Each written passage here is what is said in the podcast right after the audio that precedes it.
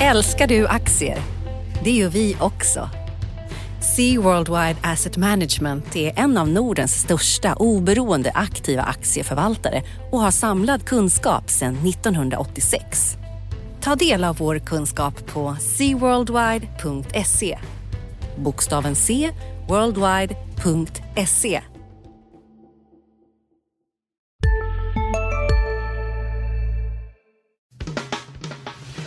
Analyspodden från Dagens Industri.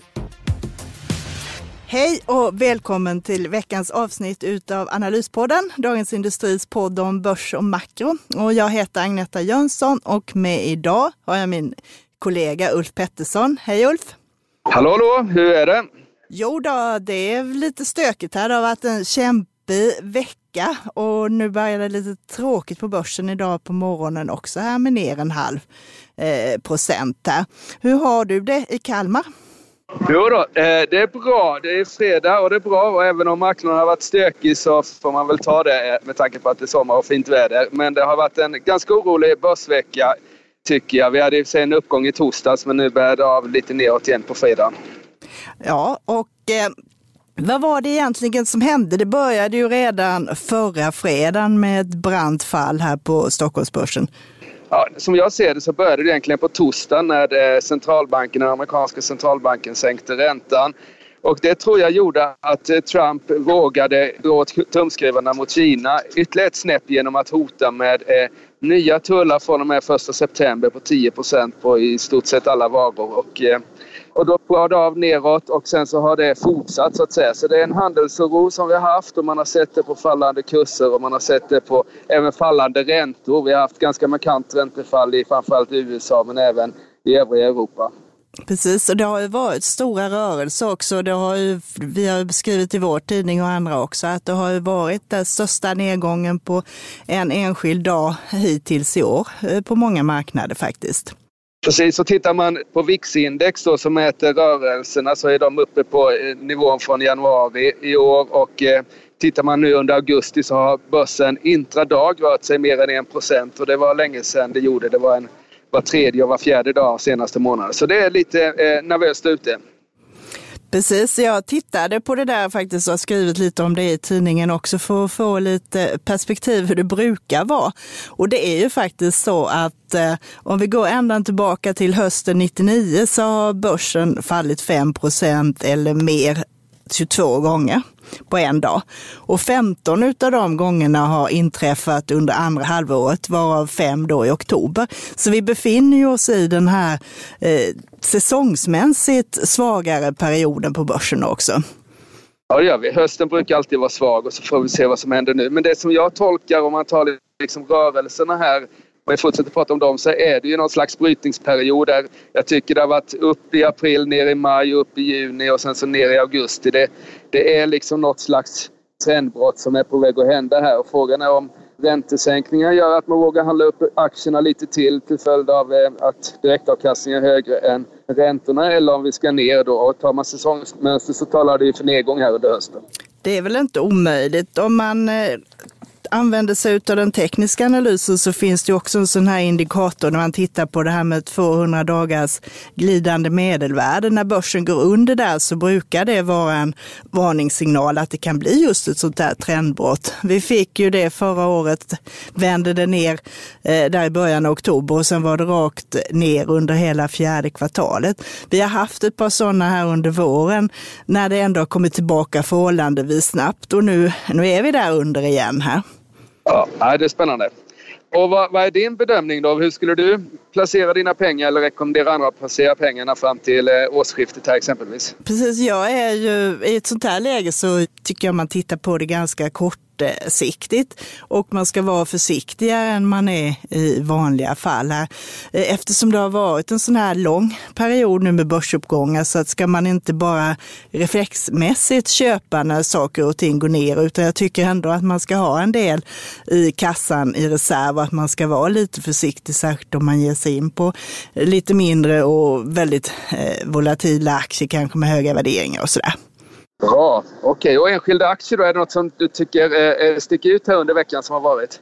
Eh, denna veckan har det väl inte varit något sånt där. Vi pratade lite om i förra veckan här efter Securitas rapport som jag tyckte att man kan titta på om den har kommit ner en bit och nu börjar den komma ner på de här nivåerna.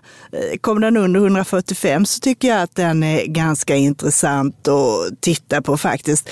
Och idag kom ju deras eh, kollega G Eh, 4S med en rapport där de nu har bestämt sig att de ska knoppa av sin eh, kontanthanteringsverksamhet, det som heter Cash Solution och egentligen är liksom en hel konkurrent till Loomis. Efter det kommer de bolagen bli ganska lika. Eventuellt kanske de kommer att sälja den här delen så att den inte kommer på börsen, för det har varit en hel del friare. Så kanske lite intresse i den här säkerhetsbranschen under hösten här också. Ja, och det är ju en bransch som, för det som så att säga ligger ovanför allt den här makrostö eller eh, börsstöket är ju dels förstås då tullarna men bakom det har vi den allt svagare konjunkturen och det är klart att kontanthantering låter ju något som något som ska vara relativt konjunkturokänsligt i alla fall och då kan ju det vara en intressant bransch i, i dessa tider. Precis, och sen eh, har ju du eh, tittat på här, vi fick ju, i söndags fick vi ju igen här en vd som tackar för sig och kastar in handduken nästa år. Eh, och det har du skrivit om i veckan här. Just det, det var Telia, eh, Johan Dennelind där som hade meddelat eh, eh Marie Erling, eh, styrelseordförande i Telia, att han inte vill vara vd längre och ska lämna 2020. Och det är precis det som vi hörde för eh, en månad sedan ungefär från Kaspar von Kurskull på Nordea som också ska sluta under nästa år. Och lägger man till eh, sparkningen av ABB-chefen här och att Swedbank inte har någon permanent VD så har vi då fyra av Stockholmsbörsens absolut största bolag som står inför VD-förändring här. Och det tror jag inte jag har varit med om tidigare att så många så stora bolag ska söka VD samtidigt. Och eh, ja, det finns ju mycket man kan säga om det. Om vi tar Telia då så är det ju ett lite förvånande att Johan Dennelind lämnar nu då. För bara för ett år sedan så här dags så var han liksom sällsynt aktiv som VD när han köpte både eh, Bonniers TV-verksamhet och Get, eh, ett stort norskt bolag här för totalt 30 miljarder la han på de affärerna. Och sen ett år senare så, så slutar han här och jag tycker nog att eh, han kommer lämna efter sig en del oknutna trådar här som blir en uppgift för framtida vd att ta tag i. Och över alltihop där så finns ju då statens ägande som har varit ett problem här under sista åren där styrelsen inte har gått i takt med ägaren staten utan styrelsen har velat göra de här affärerna medan det är uppenbart att staten inte hade, gärna hade sett att Telia hade undvikit att köpa Bonnier TV. Men så är det. Så det blir en ganska känslig post skulle jag säga att ta det här för det finns liksom politiska aspekter plus att det är ett bolag, Telia, som står inför stora strategiska förändringar och har tappat i lönsamhet på sin viktiga svenska marknad. Precis, men kan det inte vara så nu att han känner att han har kommit lite till vägs ände? För han är ju ändå kvar här ett tag tills han kanske hinner avsluta de här projekten han har påbörjat, men att det kanske behöver någon ny som gör mer grejer. För att trots allt så går det ju inte jättebra så att säga för kärnverksamheten. Nej, så kan det vara om de får in Bonnier i Telia-affären då kan man väl säga att det är ett lägligt tillfälle för då kan någon ny ta över där som kanske är mer skickad att hantera ett TV4 framförallt. då. det är en helt annan verksamhet än den som Telia håller på med idag. Så det skulle kunna vara rimligt. Och då skulle man kunna tolka Johan Dennerlins beslut att säga till redan nu som att han räknar med att affären kommer bli av här eh, möjligtvis. Men eh, ja, vi får väl se här. Det kan nog eh, bli en intressant höst för Telia och vem som ska bli VD där är ju högst oklart. Precis, men en ganska rolig grej eh, noterade jag här att eh, det är väldigt många så dyker ju statschefen Rickard Gustafsson upp som kandidat. Man pratar ju om honom både på Swedbank och Nordea samt även Telia nu, så han måste ju vara eh, väldigt populär. Eller också så har vi inte så många bra kandidater på den svenska marknaden. Nej, och det som gör att man brukar prata om Rickard Gustafsson, framförallt kanske i Ja, även i Telia och i banksektorn är ju att han har en verksamhet från finansbranschen då, Trygg-Hansa och Kodan var det väl för ett tag sedan. Plus att det som talar för honom som Telia-chef då är att han har haft att hantera staten som ägare i SAS här. Så han skulle kunna vara ett rimligt alternativ i både exempelvis Swedbank och eh, Telia precis. Men som sagt var, det, det brukar också vara så där att de här det alltid spekuleras om mest och det som är mest uppenbart, det, det, är inte riktigt säkert att det inträffar liksom. För det är liksom, då borde det redan ha inträffat när folk har pratat så länge om, om att, att Richard skulle ha ett nytt jobb. Och tar man SAS här så är ju det ett bolag som också har en, en utmanande framtid och det är klart att skulle han lämna SAS i det här läget kanske han också lämnar en del ogjort på bordet. Så det är möjligt att han vill så att säga fixa till lönsamheten, stabilisera lönsamheten på riktigt i SAS innan han går. Det kan ju vara som nu har ju faktiskt SAS gått ganska bra här på den senaste tiden. Det konstaterade du här i tidningen också. Just det, allt beror på vilket perspektiv man har. Men tar man det korta perspektivet så är SAS veckans vinnare faktiskt bland de lite större bolagen. Med en uppgång här efter att oljepriset har rasat. Det gör att SAS kanske kan hålla i sin vinstprognos här. Den var ju lite osäker i samband med senaste rapporten men sen har ju oljan fallit rejält så det är möjligt att, att det gör att SAS kan nå sin vinstprognos trots att resandet vad det gäller flygandet faktiskt har gått ner här under sommaren.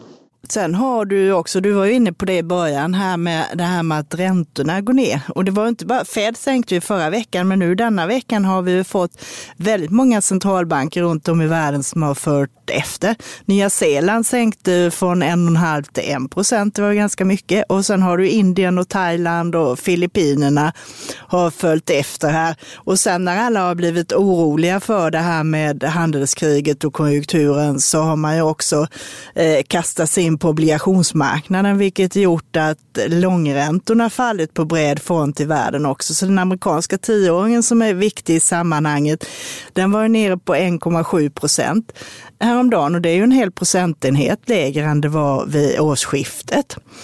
Och tyska räntorna ligger ju en tysk tioåring eh, på minus nästan 0,6 procent och en svensk minus 0,2. Och i Danmark eh, är det ju till och med så du får betalt för att ha bolån nu i alla fall om du har de eh, kortare bolånen här. Så att det händer en hel del på räntesidan och det kan ju vara kul för den som lånar pengar men det är ju mindre bra för eh, de som måste placera pengar i obligationer som pensionsförvaltare och sådant. Det är ju inte så kul med tanke på våra framtida pensioner.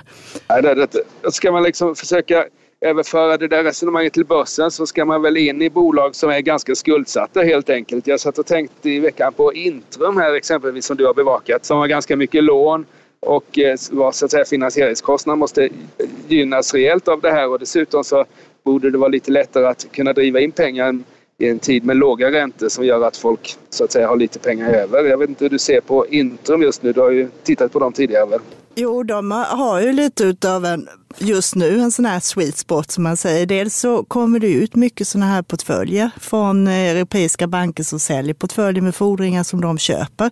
Och plus som sagt var då att det priserna är ganska hyggliga på de där grejerna. Så det rullar på ganska bra för dem. De kom ju med en stark rapport där eh, för två veckor sedan. Plus att de kan genomföra en del besparingar eh, som de aviserade då. Så att jag tycker att det ser fortsatt intressant ut och de jobbar ju som du säger också på att minska ner sin egen skuldsättning en del. Och det är ju lättare som sagt för i tider när man kan rulla om grejerna till lägre räntor. Däremot så är det med en värld i gungning blir det viktigare än någonsin med kunskap och diskussion. Att värna det fria ordet, för livet och demokratin. Så när du trodde att du visste allt, har vi alltid lite till. Privata affärer plus allt. All journalistik du behöver, samlad. Prova en månad gratis. Nu släpper vi en ny podd. Expressen Dock. Einar han går in i fel gård, förstår du? Och sen där, en annan skytt jag tror kommer emot honom och, fortsätter skjuta. Lyssna på premiäravsnittet. Mordet på Einar, det sista vittnet. Med mig, krimreporter Nina Svanberg. Hon började skrika på mig. Backa hon började säga. Så vad, vad hände? Så hon bara, han är död. Så jag bara, vad säger du för något? Så hon började skrika, han är död. Så jag sköt honom nu 21 meter. Lyssna i appen eller där poddar finns.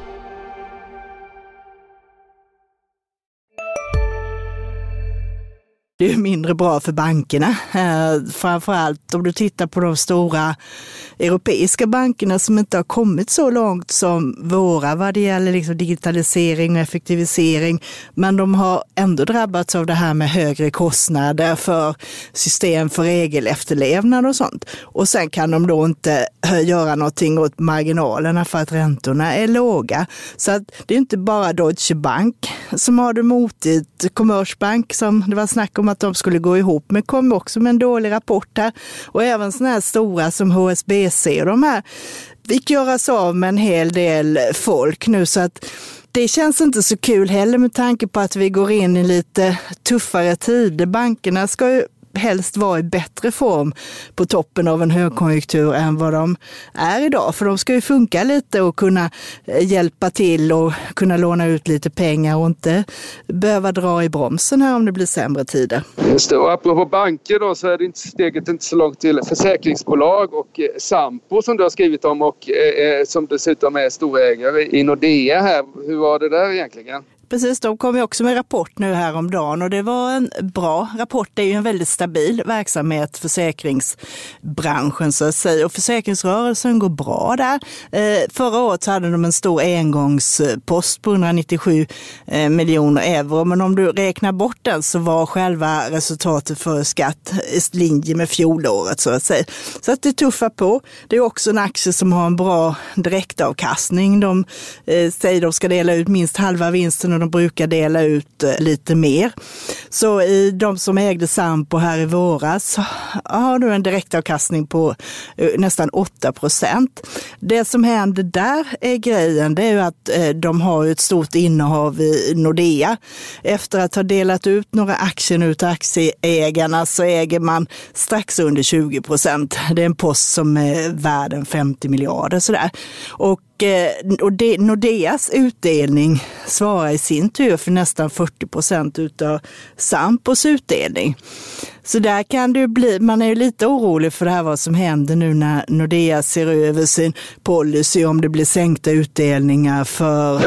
Ja, men låt, säga, låt säga att Nordea, det, det rimliga vad det gäller Nordea, vi får väl se vad de kommer fram till, men det är väl att säga att de börjar dela ut 50 procent av vinsten, men då är det ju ändå en fyra spänn per Nordea-aktie och då ger Nordea-aktien, den står väl i 60 nu, så ger den en 7 procent. Så det blir hyfsade pengar även över till Sampo, även om det inte är lika mycket som det precis. har varit sista ja, åren. Precis, om man tittar på den eh, analytiker som hade lägst prognos här, eh, om han skulle få rätt så att säga, då skulle eh, Sampos utdelning eh, sjunka med 0,55 euro och då skulle det bli en direktavkastning på 6 procent. Så du går ner från liksom 7,7 till 6. Så det är ju ändå ett bra case. Så att detta är ju ingenting som gör att man ändrar syn på SAMP och det är fortfarande en sån här bra bas att ha i sin portfölj. Wow. När vi är inne på det där så kan vi ju titta lite på småbankerna också för att de tuffar ju på ganska bra här. Eh, tänkte du på Hoist då eller tänkte du på någon annan här? Nu tänkte jag lite på de här. TF Bank är väl den som har gått mest från klarhet till klarhet här, men även Resurs och eh, Collector är ju i samma härad. Det här med en stor del av intäkterna från konsumentkrediter, så att säga, både lån och finansiering av e-handelsköp och sådana här grejer. Just det. Och där har du rätt låga eh, värderingar. Alla de här handlas Eh, Eh, på P-tal under 10 på nästa år. Så att händer det inget dramatiskt, liksom så att folk blir av eh, med jobben och kreditförlusterna piper iväg, så är det fortfarande sådana som det går väldigt bra för att ha en god tillväxt. Vad är det som gör att de värderas så lågt? För de har ju fortfarande vinsttillväxt, väl? eller hur? Är det oro för framtida kreditförluster eller vad är det som gör, eller är det liksom brukarsektorn värderas så här lågt eller vad är det som gör att de värderas Den har inte funnits tidigare. Alla de här har ju kommit in på börsen efter finanskrisen så man har ju liksom inte riktigt jämförelsematerial där. Men det är ju helt rätt som du säger, skulle man titta på värdera dem utifrån sin tillväxt så skulle de ju ha en högre värdering än storbankerna. Så jag tror mycket det är det här att man ser på sikt att den här växande konsument utlåningen, den kommer ju komma till vägs ände så småningom. Mm. Och att man är rädd just för det här med kreditförluster. För de här Eh, när man pratade med TF Bank och de här och även Resurs har ju funnits tidigare fast de inte har varit på börsen. Så att eh, de klarade ju de här nedgångarna vid finanskrisen och eh, tidigare ganska bra. Men då var ju volymerna mindre också. Så jag tror att det där ligger. Men då har du ju samtidigt en liten krockkudde i värderingarna. Och hur direktavkastning och sånt där, hur ser det ut för dem då? Är det, men det är inte riktigt banknivå, alltså storbanksnivå, eller hur? Det är inte riktigt, men det är ändå ganska bra. Framförallt är det ju Resurs som ligger högt. De ligger på 7 procent nu. De delar ju också ut två gånger per år och det är många som tycker det är trevligt att både få på hösten och, och på våren här. Och de tror jag pressats lite för Nordic Capital var ju storägare där och de har successivt minskat ner sina innehav nu de senaste åren till att ha lämnat helt. Så du har ingen riktig huvudägare förutom grundarfamiljen längre. Eh, däremot en som har gått in i alla de här, det är ju Erik Selin och han har ju också gått in i Hoist så han verkar ju tro på sektorn i alla fall. Och om vi tittar framåt nästa vecka, har vi något att se fram emot då eller? Precis, framför allt så tycker jag du ska se fram emot fredagen här. Eh, där kommer det ju en massa bolag som du brukar titta på, som Nibe bland annat. De har väl du varit på om jag inte missminner mig?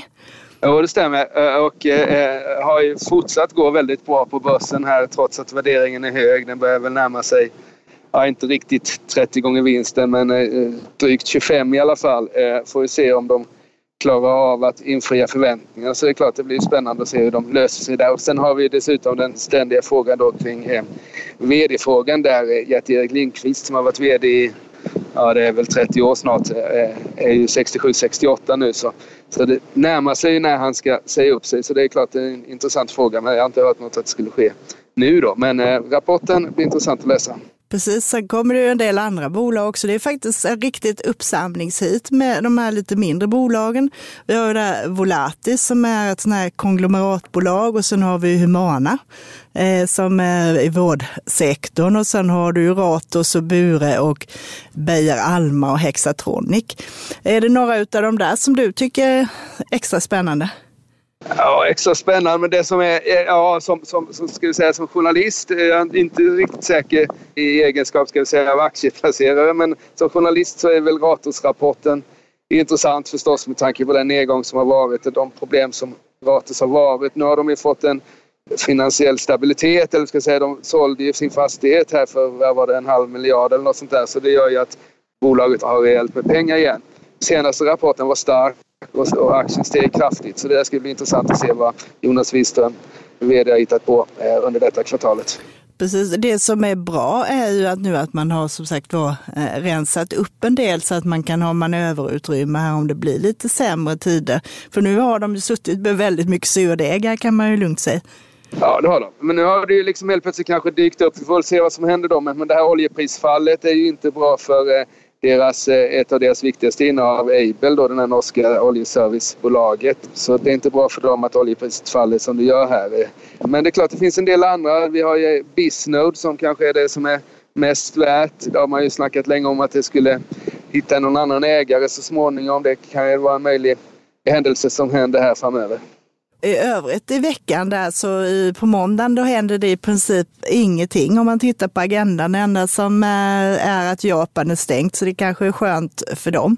Ja. Och sen så på tisdagen utav allmänintresse så talar eh, Finansinspektionen ut eh, om hur bolånemarginalerna har legat i snitt här under andra kvartalet. Och det kan ju också vara kul för privatpersoner att se lite hur det där rör på sig. Just det. Och sen har du på onsdagen så är det lite spelbolagsdag. Då är det både det här eh, Leo Vegas eh, som kommer en av de sista svenskarna här och sen har du de här affiliatebolaget, heter det var Bättre Collective. Just det. Och sen, har, ja, och sen har du Cisco eh, som är ett av de stora amerikanska bolagen på sluttampen här. Och på torsdagen har vi Holmen som också ligger här lite efter de andra.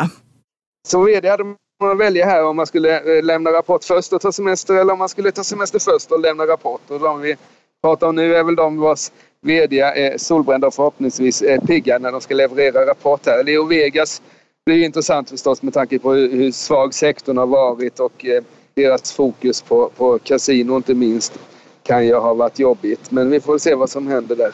Precis, och du har ju skrivit en del om det här också med eh, insiderförsäljningar. Eh, det var väl något, var det Net Entertainment där det var mycket försäljningar här under sommaren? Det var Evolution Gaming som där eh, hela ledningen har sålt aktier för. Jag räknade ut det till ungefär 80 miljoner och det har sänkt aktien här nästan 20 procent sen det där eh, kom fram och de började sälja aktier på marknaden.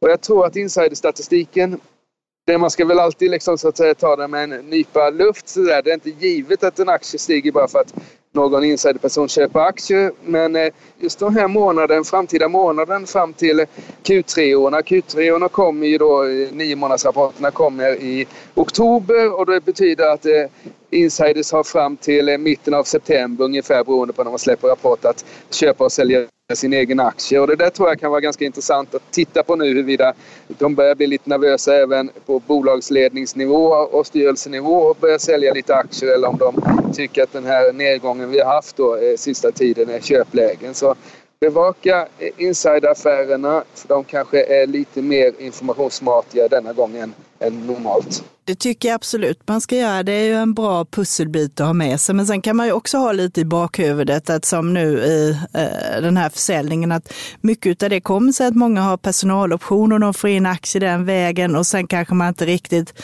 har likviditet att behålla det och det kanske inte supersmart att belåna sina aktier en massa i ett sånt här klimat. Så det kan ju ha sådana grejer att göra också. Ja, så kan det vara. Och sen så måste de ha gjort fantastiska affärer med tanke på Evolution Gaming så har de väl gjort fantastiska affärer här eh, i sina optioner så de hade kunnat sälja av lite grann, kanske inte så dessa mängder då, men som sagt var det är en förmildrande omständighet att det är ett optionsprogram som ska lösas in. Tycker du vi är färdiga för idag eller har du någonting mer som vi ska ta upp här? Nej, jag tycker vi eh, släpper våra lyssnare nu och eh, önskar dem en trevlig helg och samtidigt så tycker vi att de ska lyssna på våra andra poddar. Eh, det vill jag poddar nu för tiden. Vi har Makropodden och Förnuft och känsla och en daglig podd också från och glöm inte Digitalpodden. De pratade bland annat om Klarna i förra avsnittet, vilket jag nyssnade på. Det är helt värt att gå in och hålla koll på dem också. Det tycker jag. Det var ett bra råd. Ja, men då får vi önska våra lyssnare en eh, trevlig helg och tack för att ni lyssnade på Dagens Industris analyspodd. Tack ska ni ha och hej då. Tack, tack. Analyspodden från Dagens Industri. Programmet redigerades av Umami Produktion. Ansvarig utgivare Peter Fellman.